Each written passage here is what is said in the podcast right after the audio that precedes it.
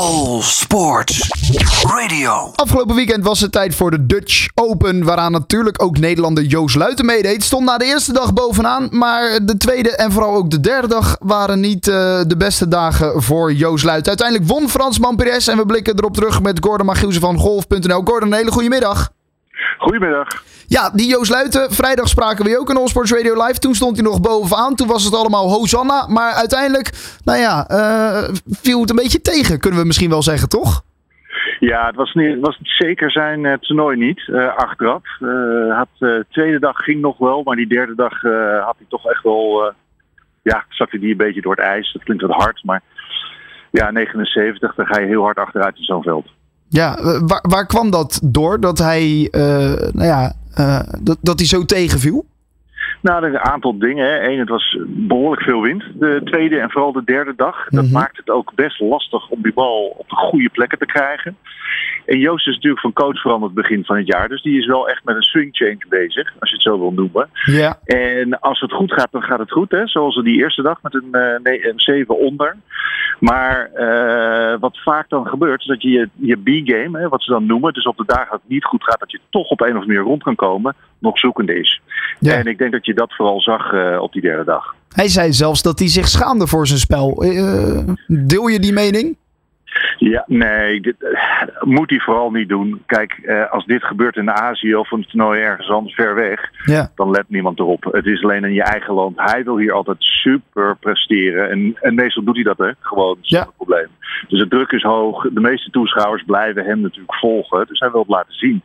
Ja, en dan, dan duurt zo'n ronde natuurlijk heel lang. En dan kom je binnen na afloop. En dan, ja, dan komen je emoties naar buiten. Wat hem ook wel weer siert hoor. Want er zijn veel. Uh, pro's die de kop in de zand steken en niemand te woord willen staan. Maar hij, hij, uh, hij zegt gewoon waar het op staat. En Ja. hij schaamt zich dus inderdaad.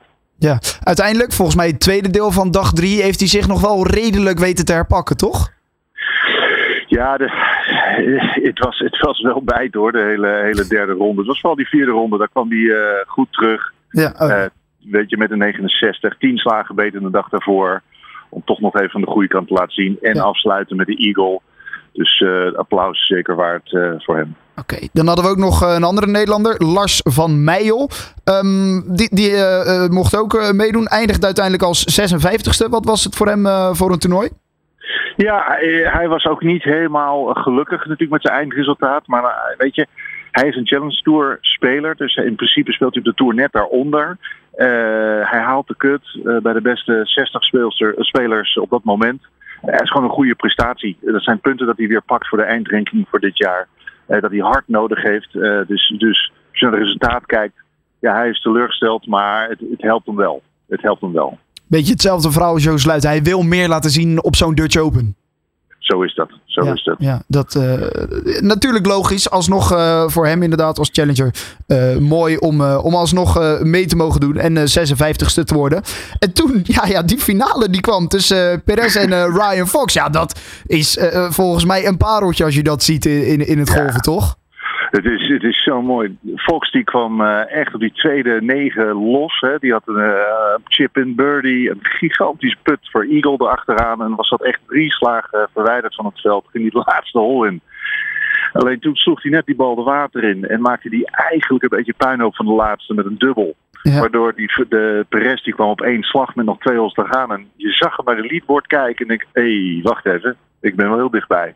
Nou, maak gelijk birdie op 17 om het gelijk te trekken slaat hem nog op ongeveer anderhalf meter die achttiende voor birdie put om het gewoon echt te winnen. Nou, die drukt hij er dan net ernaast. Maar het is fantastisch. En vervolgens ga je naar uh, vier playoff holes om uiteindelijk het uh, toch maar je toe te trekken. Ja, want, want uiteindelijk kwamen ze dus na 72 holes beide op 275 slagen. En dat betekent ja, dat, je, dat je na 72 holes nog steeds geen winnaar hebt. En dus wordt er een playoff gespeeld, hè? Klopt, klopt. En in principe speel je dan uh, de achttiende. Uh, en dan degene met de laagste score op die 18e, die wint hem natuurlijk gewoon. Alleen ze bleven steeds dezelfde score maken uh, die eerste drie keer. Nou, vervolgens mochten ze door naar die part 3 17e. Ja. En daar doet hij het. Met en, een lange put voor birdie. En daar gebeurde het dan uiteindelijk. Uh, komt dit trouwens vaak voor in het golven dat het zo lang spannend blijft om wie er wint? ja, het gebeurt toch wel stiekem regelmatig hoor. In zo'n groot veld. Okay. En dan, uh, ja, dan, dan is zo'n play-off is natuurlijk helemaal mooi voor de uh, toeschouwers die kijken. Die kunnen gewoon ja, echt meeleven met ze. En uiteindelijk uh, voor die 29-jarige Fransman uh, dus uh, de overwinning. was voor hem een verwachte overwinning?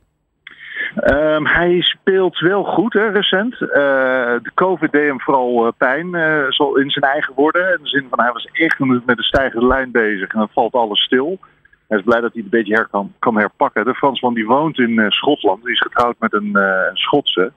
En hiermee heeft hij zichzelf in de British Open weten te plaatsen. Nou, dat is voor hem, dat was echt fantastisch voor hem. Dat was heel belangrijk. Dus uh, nou, hij kijkt tevreden terug op deze Dutch Open, kunnen we wel zeggen. hij was heel gelukkig toen we hem spraken, inderdaad. Ja, en, en, en, Ryan Fox, die dus uiteindelijk net ernaast vist. Was die nog te troosten? Ja, Ryan is met een ongelooflijk sterk seizoen bezig. Hij komt bijna de top 50 van de wereld ook in. En uh, vorige week uh, was hij in Amerika bij de Major, de PGA Championship, was hij ook bij de beste 60. Hij ziet alleen maar stijgende lijn. Dus hij ook, ja, natuurlijk baalt hij.